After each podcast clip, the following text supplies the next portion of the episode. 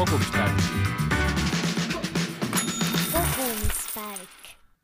tere tulemast, armsad kogumispäeviku podcasti kuulajad.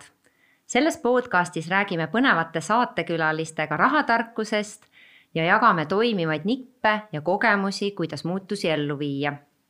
mina olen Mari-Liis Jääger ja seekord on meil külas tõeliselt inspireeriv noor naine,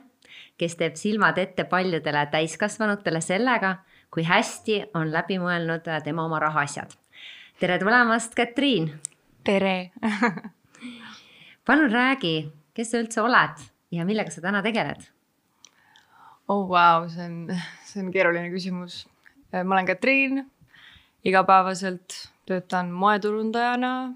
sotsiaalmeedia mõjutajana, fotograafina ähm,. mul kaks ettevõtet, ühega pakun nii-öelda nagu oma nii-öelda teenuseid või? Ja teisega me arendame ähm, sõpradega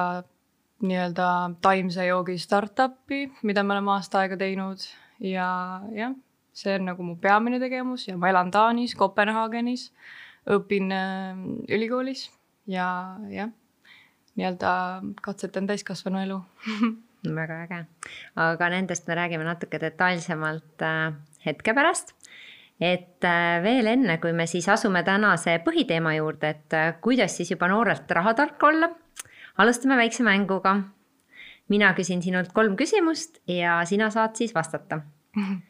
ja esimene küsimus on siis, äh, milline oli sinu esimene palk, mis sa, mille eest sa said ja mis sa sellega tegid?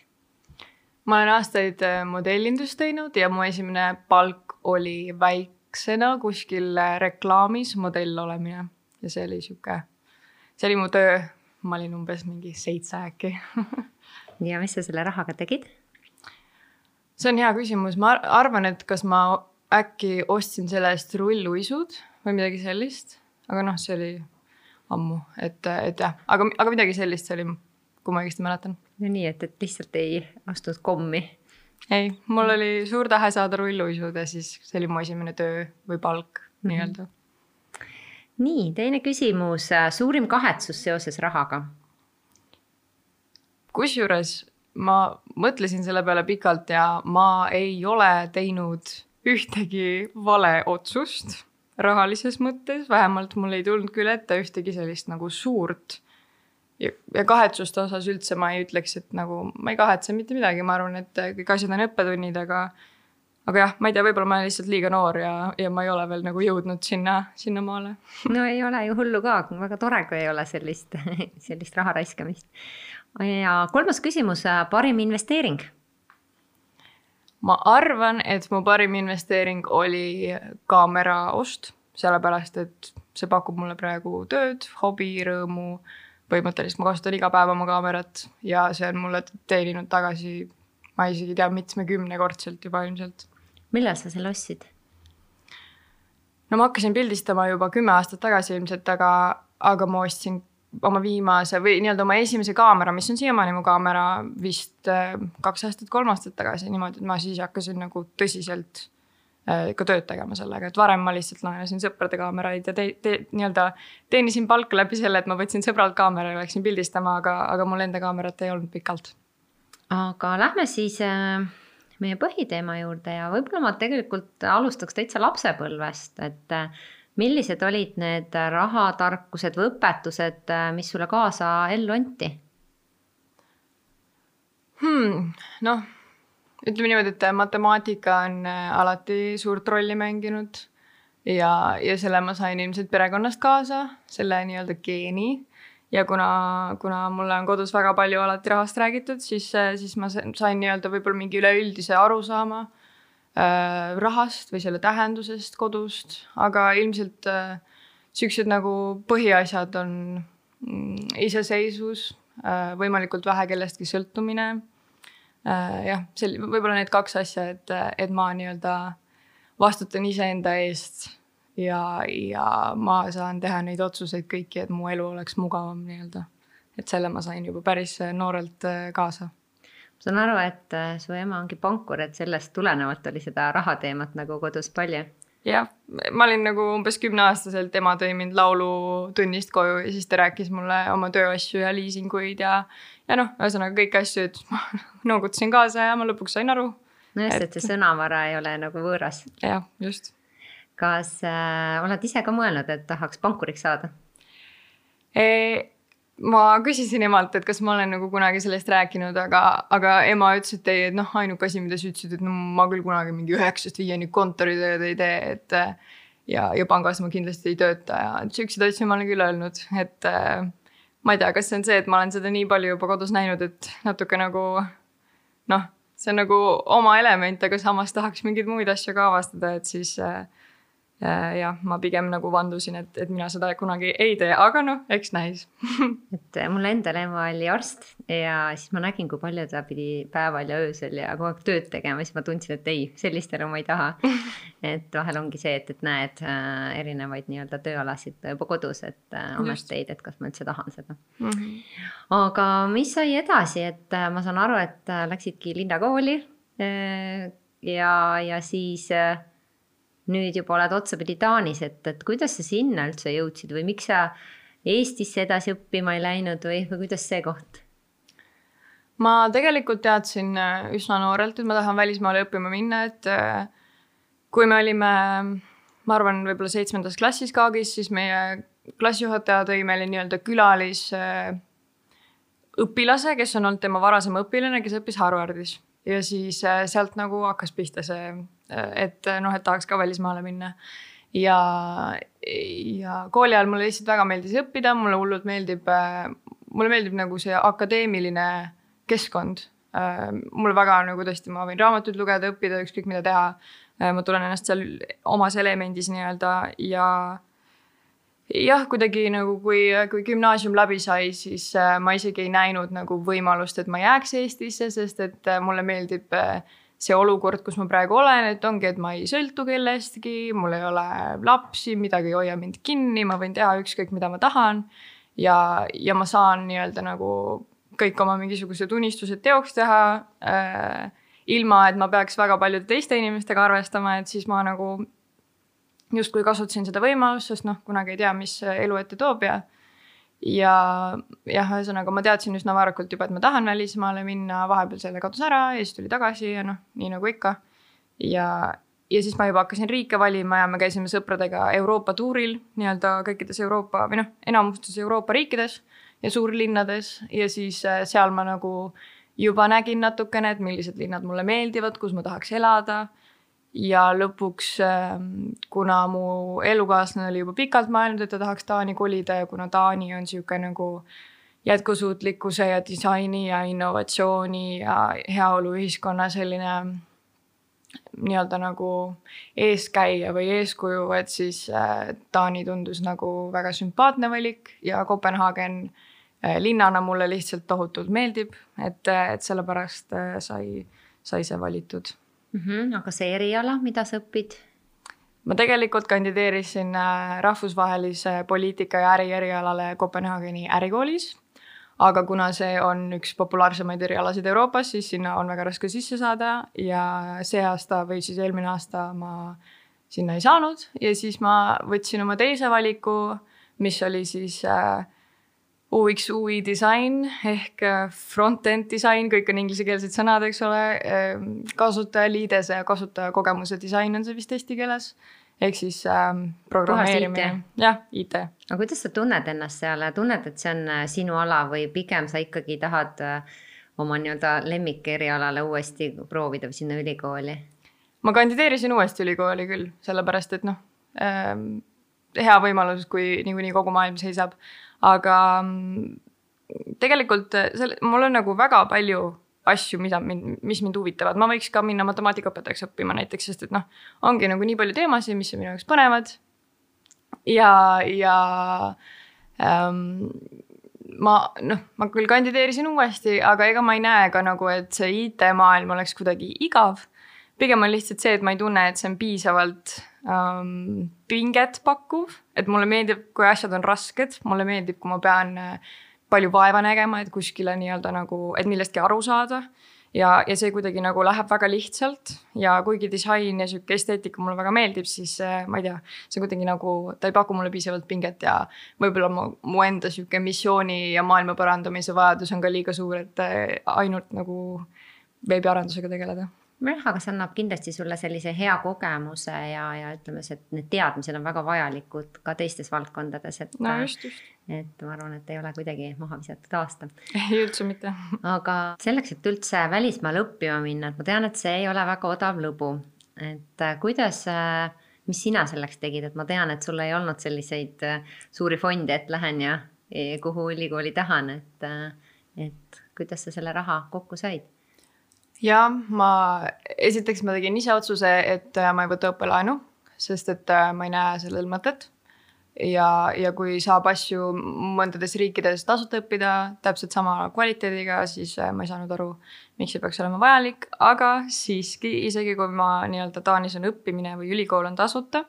siis Taanis elamine ei ole väga odav ja just pigem noh, Taanis elades sa saad väga hästi hakkama selles mõttes ja raha saab väga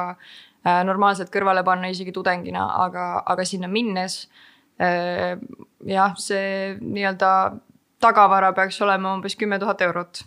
Äh, või noh, jah, umbes kaheksa kuni kümme tuhat eurot oleneb. see on kuna... siis aasta kohta äh,? ei, see on umbes kolme kuu, nelja kuu kulu, kuna kui sa kolid välismaale, siis välismaal on deposiidid ja noh, näiteks näide korteriüür on kaks tuhat eurot et äh, küll, küll, küll kolme peale, aga ikkagi seitsesada eurot, kuussada kaheksakümmend eurot äh, on ka päris palju juba üüri eest maksta ja korteril on ka deposiit ja iga inimene, kes korteris elab, pidi maksma umbes äh, kaks tuhat eurot lihtsalt deposiidiks ja sellele veel üüri juurde. siis on igat, igasugused teised väljaminekud, mis sul on, et lõpuks see summa tuleb nagu kokku väga-väga suur ja, ja lisaks ega sa ju ei saa olla kindel selles, et sa saad kohe välismaal tööle, ehk siis sa pead olema vähemalt kolme kuu tagavaraga nii-öelda, et, et ühesõnaga kokku, kokku see summa tuli väga suur. Ja selleks ma tegin tööd, ma käisin äh, terve gümnaasiumi aja samal ajal tööl, kui ma käisin koolis, äh, töötasin turundajana samamoodi moemajades ja fotograafina. Ja lõpuks ka oli see sotsiaalmeedia mulle sihuke lisasissetulek, et et jah, ma selles mõttes ma olin nagu poole kohaga tööl terve gümnaasiumi jooksul ja modellindus samamoodi oli nagu sihuke kõrvaltöö, et, et lõpuks ma selle raha kokku sain ma saan aru, et sa pigem just nimelt otsid kokku, et sa ei kulutanud, tegid tööd ja noh, nii-öelda eesmärgipäraselt kogu aeg, et sa teadsid, mis su siht on. ja mul oli see väga struktureeritud, et nagu noh, mul oligi nagu väga lühike ajaperiood, kus ma pidin väga suure summa kokku saama ja siis äh, see oligi mu ainuke eesmärk nii-öelda, sest noh kui ma seda ei oleks kokku saanud, siis ega ma ei oleks saanud kolida, nii et see oli nagu ka selles mõttes lihtne, et äh, muud varianti ei olnudki aga kas sa nüüd, kuidas sa täna elad, äh, ma saan aru, et sa teed tööd, et mis need erinevad tööd on, et sul on paar firmat. aga kuidas see nii-öelda igapäevaelu sul seal välja näeb? Äh, jaa, mul on, äh, mul just keegi küsis ka, et nagu, mis need su sissetulekuallikad on ja siis ma hakkasin lugema, et mul on umbes kaksteist erinevat sissetulekuallikat. võib-olla see on ka see nii-öelda õppetund, mis ma kodust sain, et mida rohkem sul neid on, seda kasulik see on, see on. Äh, ja ma siis üks töö on mul endiselt on moeturundajana Eesti ühel Ellen Richardis, Eesti üks jätkusuutlik bränd neile ma teen siis turundust ja siis äh, lisaks ma töötangi kas siis äh, fotograafina, modellindus toob sisse, reklaamimodellindus, siis Instagram on mu praegune vist suurimaid sissetulekuid ja erinevad projektid, kus ma tuttavatel aitan graafilist disaini, veebiarendust, kujundust, küljendust, noh, ühesõnaga ükskõik mis disaini teha. ja, aga jah, see turundus on nagu üleüldiselt sihuke peamine fookus hetkel aga kuidas sa seda kõike jõuad, et noh, sa ju õpid tegelikult, et äh, ma tean, et sa oled hästi struktuurne, et äh, kuidas sa oled paika pannud või et kuidas need, äh, ma ei tea, päevad või nädalad välja näevad? nojah, selles mõttes, et võib-olla kui kuulata, siis see on kindlasti tundub nagu ähm, võib-olla ebatervislikuna, aga ma töötan umbes seitsekümmend tundi nädalas äh, koos kooliga, võib-olla isegi rohkem, aga ma ei näe üldse selles mitte mingit probleemi, sellepärast et mulle väga meeldib see, mida ma teen. ja kohati see on ka nagu noh, ongi, et ma olen oma kõik need hobid ja huvid, mis mul on, olen ma tegelikult enda tööks teinud. et äh, ma ei tunne nagu mitte mingit kohustust teha tööd. ja läbi selle ma ka tegelikult ei saa aru, et sinna nii palju aega läheb ja, ja mul on hea meel neid kõiki asju teha.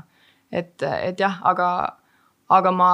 see, see, et teha nii palju tööd, nõuab väga suurt aja planeerimist, õnneks see on praegu üsna lihtne, kuna noh, kõik on ju, või noh, mina töötan kodust et äh, ma saan väga, ma nii-öelda kasutan sihukest nagu ajaplokkide süsteemi, et ma näiteks kaks tundi fokusseeritult töötan, siis tund aega puhkan ja ma ei tea. Läheme jalutama, trenni tegema, loeme raamatut, mida iganes ja siis äh, siis teen tööd edasi, et äh, ma. Jah, ma võin töötada hommikul kaheksast õhtul, ma ei tea, kaheteistkümneni, aga vahepeal ma teen nagu puhkepause, et, et mulle sihuke vaheldus sobib ja ma ei suudaks enam vist sihuke kuus tundi järjest nagu fokusseeritult töötada, et et ma olen natuke püsimatu ja no,. ma arvan, see polegi võimalik, sa ei suuda, keegi ei suuda tegelikult kuus tundi järjest no, fokusseerida, et see ongi see mõte, et fokusseerid, siis puhkad, fokusseerid, puhkad, et et ma arvan, et see nii-öelda kaheksa tundi järjest töötamine, et seal ongi samamoodi, et need juppideks teha, et, et ja. jaksaksid tegelikult fokusseerida ja üks asi korraga on ju. jah, just ja need pikemad pausid, et ma võtangi vahepeal nagu kaks tundi pausi, kolm tundi pausi ja teen midagi muud, et see nagu inspireerib ja nagu noh, annabki nagu seda motivatsiooni uuesti need asjad ette võtta, mida sa tahad teha ja ja ma töötan nädalavahetustel ka, sellepärast et mulle meeldib jaotada oma aega niimoodi, et mul on iga päev pool päeva on vaba ja pool päeva ma teen tööd, et nagu jah, ma planeerin oma aega ilmselt väga erinevalt kui enamus inimesed, aga mulle see viis on hakanud meeldima ja ega ma väga nagu muud elu ei ole näinud ka, sest ma olen terve elu ainult nagu iseendale töötanud. ehk siis äh, laupäev, pühapäev ei ole nii-öelda vabad, vaid pigem ongi sa, on selline jooksev kuidagi flow on ju, et, et sa iga päev teed mingeid äh, tööasju ja siis on äh, nii-öelda, ah see kõik on nagu meeldiv, ma saan aru, et sest sulle Jaa, need meeldivad, et mulle, sa, see on nagu sinu elustiil, et see ei ole see, et ma olen tööl ja on puhkeaeg, vaid see on minu elustiil. jah, see on mu elu, ma ei, ma ei nagu, ma ei eralda nii tugevalt oma tööd ja oma elu, vaid äh, jah, kuna mu elukaaslane elab täpselt sama elustiili järgi, siis kui meil tuleb tuju, et kolmapäev võiks olla päev, kus me ei tee mitte midagi, siis me ei tee midagi. et see nagu vabadus mulle meeldib, et kui ma otsustan, et ma täna tahan puhata ja mitte midagi teha, siis ma saan seda endale lubada. ja, ja see on nagu parem kui see, et ma ootan näiteks nädalavahetust, et puhata, et, et jah, ma ei tea, minu jaoks see nagu töötab. aga mida sa teistele noortele võiksid üldse soovitada, kes võib-olla täna käivadki koolis mulgutavad mõtted, et võiks ka kuhugi välismaale ülikooli minna ja, ja aga tegelikult ikkagi. ma mõtlen täna seda, ma ei tea, sotsiaalmeedias olemist ja võib-olla üldse telefonis olemist või poiste puhul rohkem võib-olla mängimist, et on päris palju, et, et mis need sammud võiksid olla, et see ellu see muutus nagu tuua? no selles mõttes, et äh, kui noh, tahta välismaale minna ja, ja kui on vaja raha koguda, et siis mida mina olen teinud ja kuidas ma tegelikult töötan hetkel, ongi see, et ma olen teinud oma hobidest oma töö. et kõik see, kõik need oskused, mis mul on, olen ma teinud justkui nagu enda sissetulekuteks ja seda ma ka soovitaks, et äh, loomulikult nagu sotsiaalmeedia mõju isikuks olemine minu, minu arvates ei tohiks olla eesmärk omaette, sest see minu jaoks ei ole karjäär, see on lihtsalt nagu üks võimalikke sissetulekuallikaid, sellel on väga häid äh, võimalusi, kuidas äh, suhelda inimestega, muuta võib-olla mõningaid mõtteviise, inspireerida, mida iganes. aga et see, ma pigem soovitaks, et kui sul on mingi huvi, näiteks mul oli fotograafia huvi, siis nüüd läbi selle fotograafia huvi ma tegelikult töötangi ju, pildistan, pildistan sotsiaalmeedia jaoks, moe jaoks, teen videoid, et noh, kõik on tegelikult sellesama fotograafia huviga seotud, mis mul on juba olnud nagu kümme aastat, et, et võib-olla seda ma soovitakski. samamoodi ju võib, kui sa, kui sulle meeldib tantsida, saab tantsutreenerina hakata enda nagu huvi arendama või jalkatreenerina või noh, mis iganes, et ühesõnaga pigem vaadatagi otsa nendele huvidele või tekitada neid huvisid, et ja. vahel ongi see, et, et oh, ma ei tea, mis mulle meeldib, et proovi lihtsalt, proovi no, erinevaid just. asju, leia see enda noh, mis iganes see hobi siis on, on ju, ja sealt edasi tulevad juba, et kui sa ise innustunult teed, et see on see koht, kus sa saad jälle jagada teistele ka ja teisi innustada. jah, see, see avatus ja uudishimu on kõige tähtsamad, et, et see, kuidas äh, noh, ma erinevate nende teemadeni jõuan, millest ma, mille puhul ma sõna võtan, ongi lihtsalt sellest, et mind huvitab see, kuidas maailm töötab ja ma arvan, et selle suhtumisega eh, nii-öelda elada on kõige motiveerivam või inspireerivam. ma korra mõtlesin äh, tänapäeva noorte peale, et äh, ja jätkusuutlikkuse peale, et kas see mõiste mulle, mulle tundub, et see on oluliselt äh, teise kuidas siis öelda, tugevusastmega või oluliselt tähtsam, kui see oli võib-olla aastaid tagasi, et äh, mida sina näed, mida sina märkad? jah, jätkusuutlikkus on nagu üleüldiselt nii erinevatel elualadel kogu aeg äh, just noorte seas äh, levim, levinud, aga mitte sellepärast, et nüüd võib-olla noored ise oleks või no minu arvamus on see, et, et see on ka kohati meile peale surutud, et meil ei ole enam valikut, kui me räägime nüüd keskkonnast et meil ei ole enam valikut, me lihtsalt peame tegema paremaid otsuseid ja see eh, ongi, et see ei ole enam valikute küsimus, aga jätkusuutlikkus üleüldiselt ka, ma arvan, on eh, et, et noored saavad sellest vähemalt, eh, need, kellega mina olen suhelnud, saavad sellest aru, et et ka jätkusuutlikkus rahalises mõttes, et see, et sul on noh, ongi, et kui ma ütlen, et mul on kaksteist sissetulekuallikat, et see ongi nagu minu jaoks jätkusuutlikkus, et kui ma äh, kui mul nüüd äh, pooleks aastaks kõik äh, sotsiaalmeedia reklaamid ära kukuks, siis äh, mul on teine, teised tööd, mida ma saan teha. et, et see on ka jätkusuutlikkus mingit pidi. aga ma arvan, et noored näevad, kui palju erinevaid võimalusi ja vabadust see jätkusuutlikkus tegelikult üks hetk pakub. ja sellepärast nad selle peale nii palju ka mõtlevad ja noh jah, võib-olla kõige rohkem ongi see keskkonnateema jätkusuutlikkus, see kuhu, mis, mis sind jätkusuutlikkuseni viib, aga, aga see on tõesti igas eluvaldkonnas tegelikult tähtis. Ja ma olen hästi nõus sinuga, et jätkusuutlikkus ainult ei ole keskkonna mõttes, vaid tegelikult igas valdkonnas ja, ja just ka rahatarkuse mõttes, et kuidas olla rahaliselt jätkusuutlik, et, et kui kui noh, ongi, et sul on mingid puhver olemas, sul on nii-öelda, sa arendad ennast kogu aeg, et, et sul oleks nii-öelda väljundeid ja oleks võimalus siis raha taastoota ja no, lasta sellel voolata.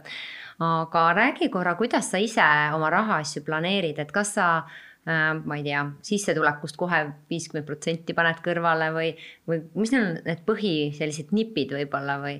või reeglid enda jaoks on? no mu sissetulek on väga ebastabiilne, et äh, selles mõttes ma nagu protsentuaalselt nii-öelda kõrvale ei pane, sest et äh, muidu mul võiks mõni kuu lihtsalt nagu ma võiks enamus raha ära kulutada äh,. kui ma paneks ainult näiteks poole kõrvale, aga mõnes kuus, kui ma paneks poole kõrvale, mul ei oleks enam isegi üüri maksta, et noh, et ühesõnaga see on nagu väga-väga-väga fluksueeriv. aga äh, mida ma teen, on üsna selles mõttes lihtne, et ma maksan oma üüri ära, maksan toiduasjad ära ja kõik ma panen kõrvale, et äh, ma väga palju ei kuluta Äh, kuna ma ei kuluta riietele, ma ei kuluta mingitele, ma ei tea, ilutoodetele, ma ei kasuta meiki, mul ei ole nagu väga mingisuguseid muid äh, väljaminekuid peale toidu ja üüri ja võib-olla paari asja, mis ma endale luban, aga nagu muidu jah, ma panen põhimõtteliselt kõik kõrvale ja kui ma tõesti väga midagi tahan, siis ma võin sealt äh, kõrval olevast rahastki seda nagu iseenda jaoks kasutada, aga siis ma lihtsalt mõtlen selle läbi, kas see on vajalik. et, et jah Äh, selles mõttes see on üsna lihtne. Aga kas sa, ütleme, ettevõtetesse ka investeerid, on sul see vajadus, et needsamad sinu ettevõtted? või pigem nad ähm, toovad sisse, et nii palju investeerida sinna pole vaja? sinna jah, ei ole vaja hetkel investeerida, et, et ma olen juba kõik need investeeringud teinud, et äh, noh, äh, nii-öelda turunduse mõttes kaamerad, tehnika, kõik selline asi, see on mul juba olemas. Ähm, ja see lihtsalt nii-öelda toobki mulle juba tagasi ja ähm, meie siis äh, startup'i, äh, sest meie startup on hetkel ongi nagu arendamise faasis ja me tahame võimalikult äh, nii-öelda nagu mitte enda rahaga seda teha, vaid siis kellegi teise rahaga seda teha ja, ja praegu kasutame või nii-öelda oleme erinevatel hüppeplatvormidel ja saanud riigi toetust ja, ja sellega me saame tegelikult väga hästi hakkama, et, et jah äh, otseselt ma enda ettevõtetesse enam ei pea investeerima mm. -hmm. aga kui me räägime eelarvest, kui kaua sa, mitu aastat sa juba oled teinud eelarvet? ma arv-, ma arvan, et ma hakkasin äh, enne gümnaasiumit seda tegema,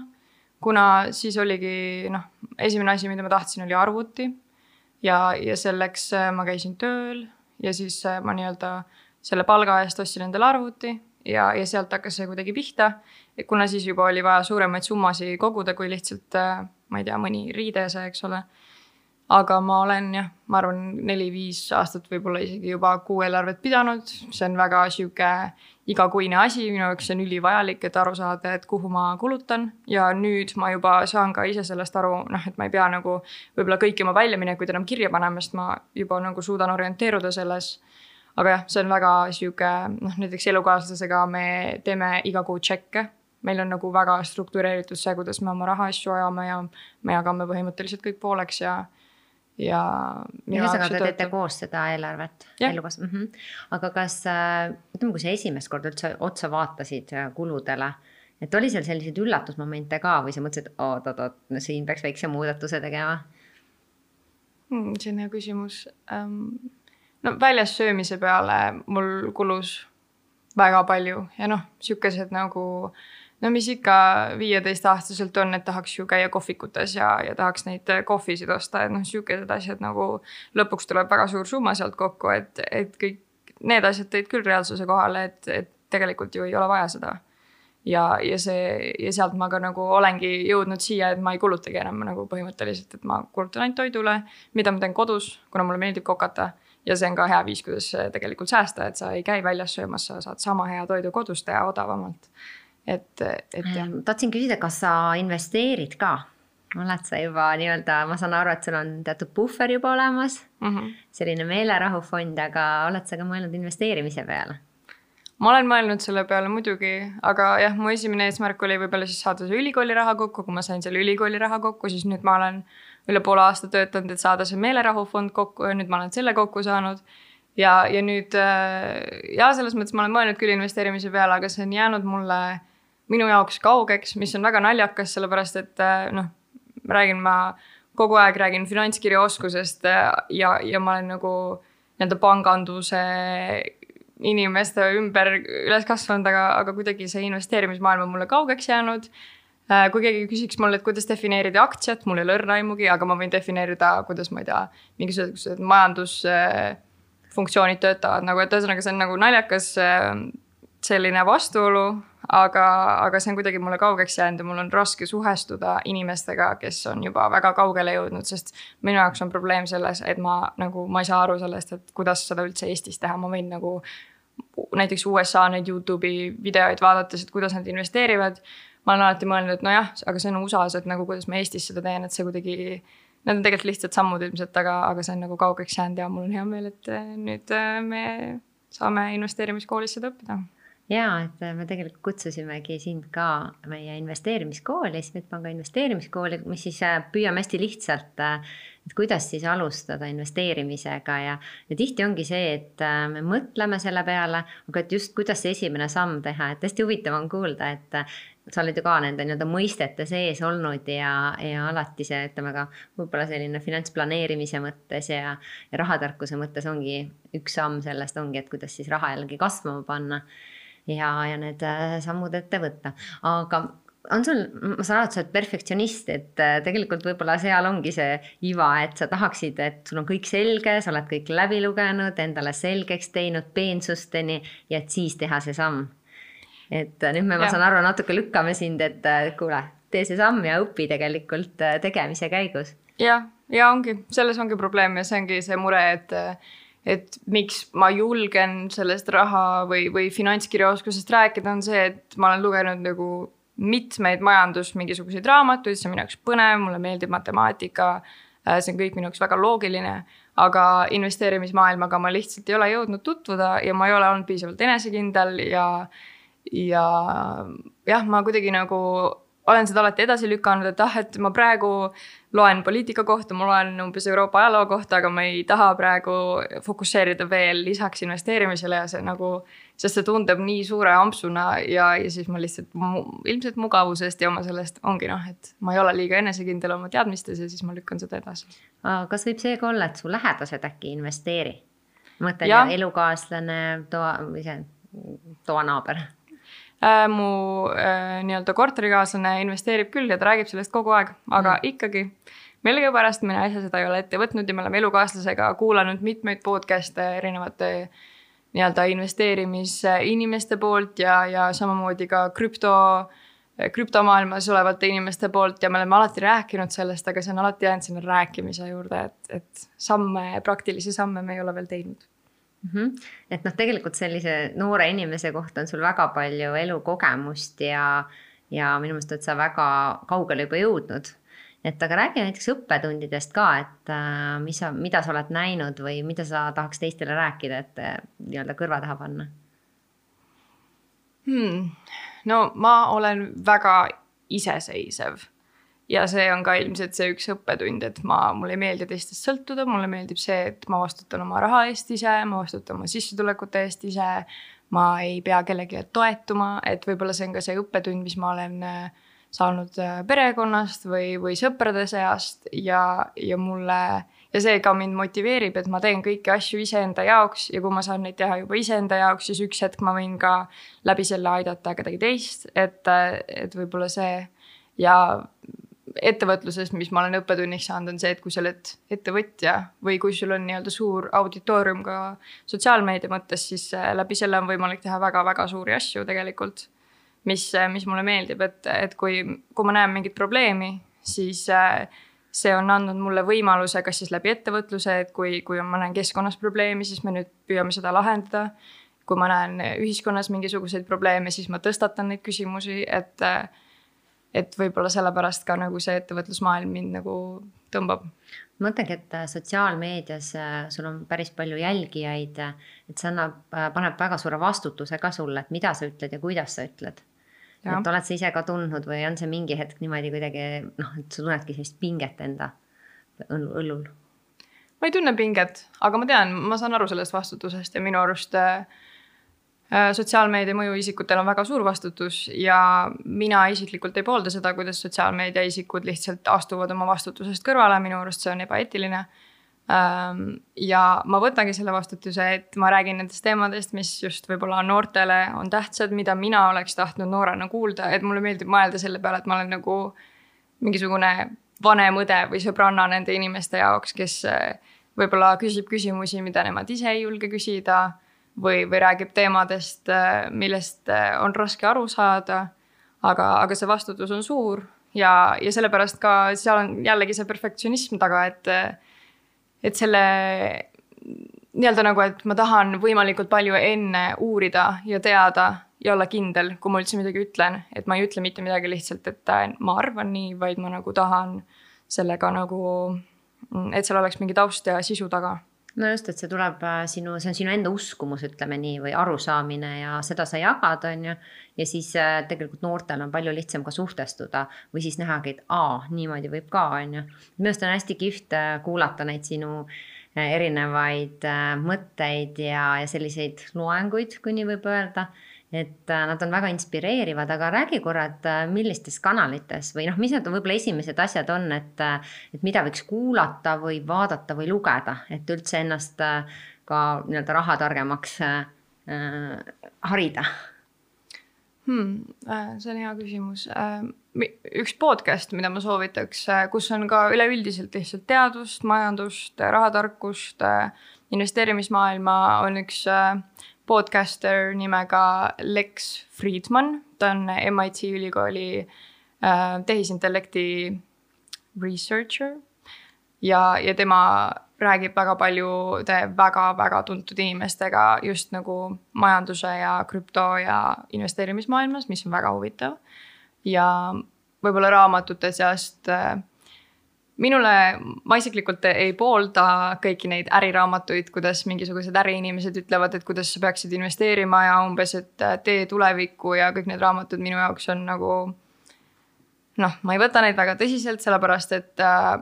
enamuses sa loed asju, mida sa juba tead. ja, ja ma tean, et need inimesed teenivad läbi selle raha, et nad on selle raamatu kirjutanud ja see on olnud võib-olla ka üks neid äh, üks see motivaator, miks see raamat on kirjutatud, et mulle meeldib pigem õppida ajaloost, mulle meeldib lugeda ajaloo kohta, mulle meeldib lugeda majanduse kohta. sest see annab palju suurema või poliitika kohta näiteks, sest see annab palju suurema pildi sellest, mis keskkonnas sa üldse nagu selle rahaga tegeled. ja, ja siuksed ettevõtlusraamatud jah, ma olen neid lugenud, aga kui keegi räägib, et, et, et ta luges selle läbi ja, ja nüüd ta teeb suuri asju, siis see on muidugi väga tore, aga mina isiklikult väga suurt inspiratsiooni sealt ei saa, et see, need on kõik suht ühesugused no just, et pigem sellist äh, laiapõhjalisemat, mitte konkreetset, et noh, jah, mõnele võib-olla on just neid konkreetseid samme vaja, aga siis ongi võimalik äh, kuulata sinu Youtube'i kanalit. jah, ei muidugi ma Youtube'is räägin väga erinevatel teemadel, naiste teemadel, tervise teemadel, raha teemadel õpetan oma seda eelarvetabelit kasutama või, või näitan, kuidas ma olen säästnud või kuidas ma selle ülikooli raha kokku sain, et sellest ma räägin palju, aga jah, mina isiklikult soovitan raamatuid lugeda just nende eeskujude poolt, kes mitte lihtsalt ei räägi, et nad on väga edukad, vaid nad on ka päriselt väga edukad. et, et need kogemuslood kindlasti inspireerivad just nende elulood, et mis nende isiksuses on see olnud, et nad on nii kaugele jõudnud, sest tavaliselt ju vähemalt minu arvamus on see, et peaks investeerima inimesesse, mitte sellesse ettevõttesse, kuna see inimene, isegi kui ettevõte käib äh, täiesti alla, siis see inimene on võimeline selle sealt üles korjama nii-öelda, et äh, et, et selliseid eeskujusid leida endale, nende raamatuid näiteks lugeda, aga ka lugedagi noh, ma räägin võib-olla Ian Kershaw Roll, roller, roller coaster on raamat, mis räägib viiekümnest viimasest aastast Euroopa ajaloost, kus räägib ka majandusest väga palju. või äh, Kümme tuhat aastat maailma majandust on üks raamat äh, Philip Khogani poolt, mis on jällegi räägib väga lihtsustatult majandusest. et sellised asjad, äh, nendest arusaamine paneb nagu perspektiivi paika, et, et see on palju tähtsam minu arvates mm. -hmm väga head soovitused. loed sa ise muidu audioraamatut või siis hoopis e-lugerit või, või paberkujul nii-öelda? mulle meeldivad raamatud, mulle okay. meeldib see tunne, tunne, et ma keeran lehte, see, kuidas raamatud lõhnavad, see, et ma saan seda raamatut hoida käes ja kaasas kanda ja. aga ma olen ka audioraamatuid kuulanud, lihtsalt äh, ma ei saa väga keskenduda audioraamatuid kuulates, et äh, ma kuulan võib-olla podcast'e niimoodi, aga, aga raamatutega mulle meeldib süveneda. ja, ja tavaliselt äh, ma noh, ma loen nii-öelda non-fiction raamatuid, kus ongi nagu faktid fakti järel ja, ja seda kuulata on väga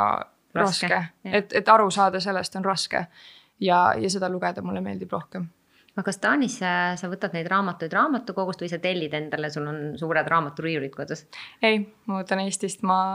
äh, ostan või, või äh, nii-öelda saan kõik oma raamatud Eestist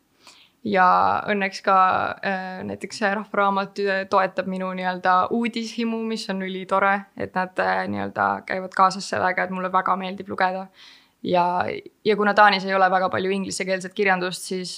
seal ei ole raamatupoodides sellist võimalust, nagu meil on Eestis tegelikult, et meil on väga palju raamatuid, mis võivad olla ka niimoodi, et väga uus raamat tuleb välja, aga see on meil juba Eestis olemas, et sellist asja Taanis ei ole. ja Taani raamatukogudes ei ole ka inglisekeelseid noh, eestikeelseid ei ole niikuinii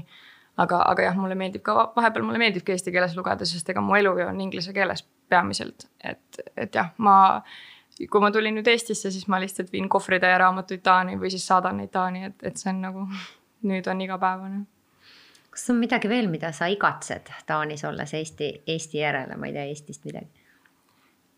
no mul ei ole Taanis vanni et see on see, mida ma igatsen. ja kui ma tulin Eestisse, siis ma käin iga päev, sest see on minu jaoks nagu mingisugune sihuke meditatsioonivorm ähm, ja mida ma veel igatsen, on mõned väga spetsiifilised maitsed ja toidud ja näiteks ma väga palju igatsesin leiba ja lõpuks ma hakkasin seda ise tegema ja noh paljud asjad äh, tegelikult on tehtavad kodus ja näiteks kohupiima, noh, välismaal ei ole sihukest asja nagu kohupiim, et, äh, et mingites Poola poodides võib-olla seda leiab, aga, aga see ei ole ikkagi see. et, et sellised mingisugused maitsed on, aga, aga nendest ka nagu noh, harjud ümber ja, ja siis, kui sa tuled, siis sa jälle oskad neid äh, hinnata noh, minul on väga hea meel, et sa oma vanni igatsesid, et tänu sellele me saamegi seda podcast'i siin ka lindistada. ja, ja, ja kui nüüd seda tänast juttu kokku võtta võtta, et äh, mulle tundubki, et äh, hästi oluline ongi aru saada, mis need äh, huvid ja hobid on. et kui sul on see eesmärk, siis on oluliselt lihtsam selle poole liikuda, et, et vaatadki üle oma nii-öelda sissetulekud, väljaminekud ja püüad leida neid uusi sissetulekuallikaid, et need oleks erinevad, et, et kui mingi hobi või mingi asi enam ei tööta või sa ei saa enam sealt nii-öelda sissetulekut enam ei ole, et, et sul siiski äh, kuskilt mujalt siis tuleks või tulevad, avanevadki nii-öelda uued uksed. ja, ja, ja jällegi seesama, et äh, edasi pürgida, olla uudishimulik äh, ja isegi kui on nii-öelda see eesmärk kuhugi näiteks ülikooli saada või mingi eriala õppida ja sa kohe ei saa, et siis ongi need alternatiivteed ikkagi sinna eesmärgi poole, püüad uuesti, arendad võib-olla mingit teist, äh, ma ei tea,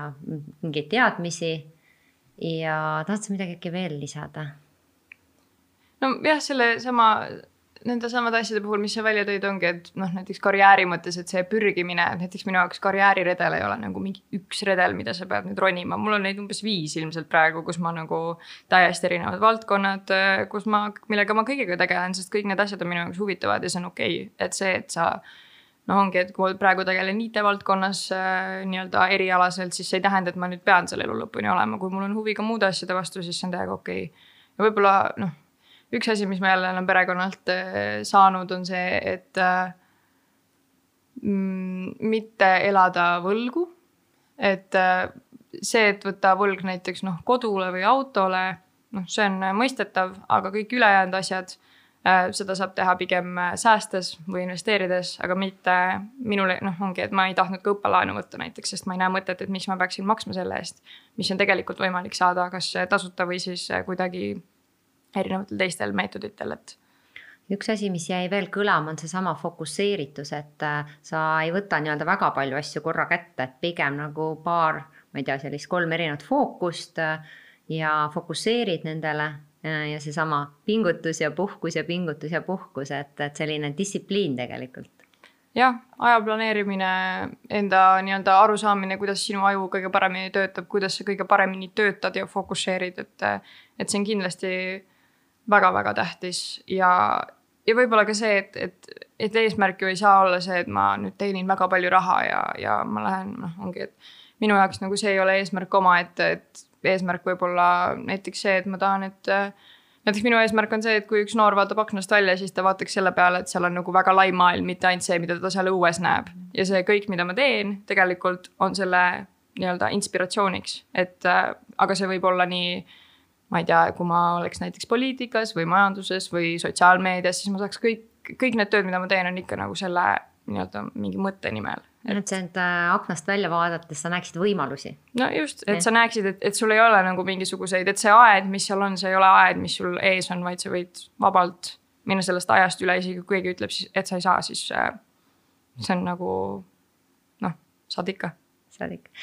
aga enne veel, kui me lõpetame, kindlasti on sul ka neid hetki, kus sa tunned, et vot täna ei taha voodist välja tulla või ma ei tea, kuidagi on selline sinine esmaspäev. mis sa siis teed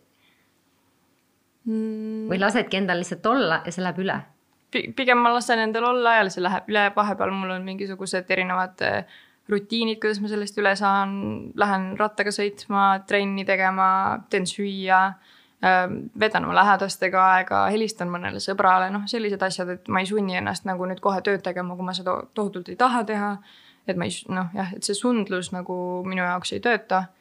et ja noh, noh, ongi see, et kui sul on selline nagu väga suur eesmärk, mis on nende, nende asjade ülene, siis minu jaoks see motiveeribki kõige rohkem ja, ja isegi kui on väga halb päev siis ma tean, et, et üks hetk ma võtan ennast kokku ja ikkagi teen need asjad ära, võib-olla see ei ole täna, võib-olla see on paari päeva pärast, aga see on okei okay.. see eneseusaldus. jah yeah. igal juhul suur-suur tänu, et sa tulid ja, ja meil on hästi hea meel, et äh, sinu mõtteid äh, sa jagad ka kogumispäevikus, et äh, kõik, kes veel ei ole võib-olla liitunud, võite tulla vaatama, mis me seal teeme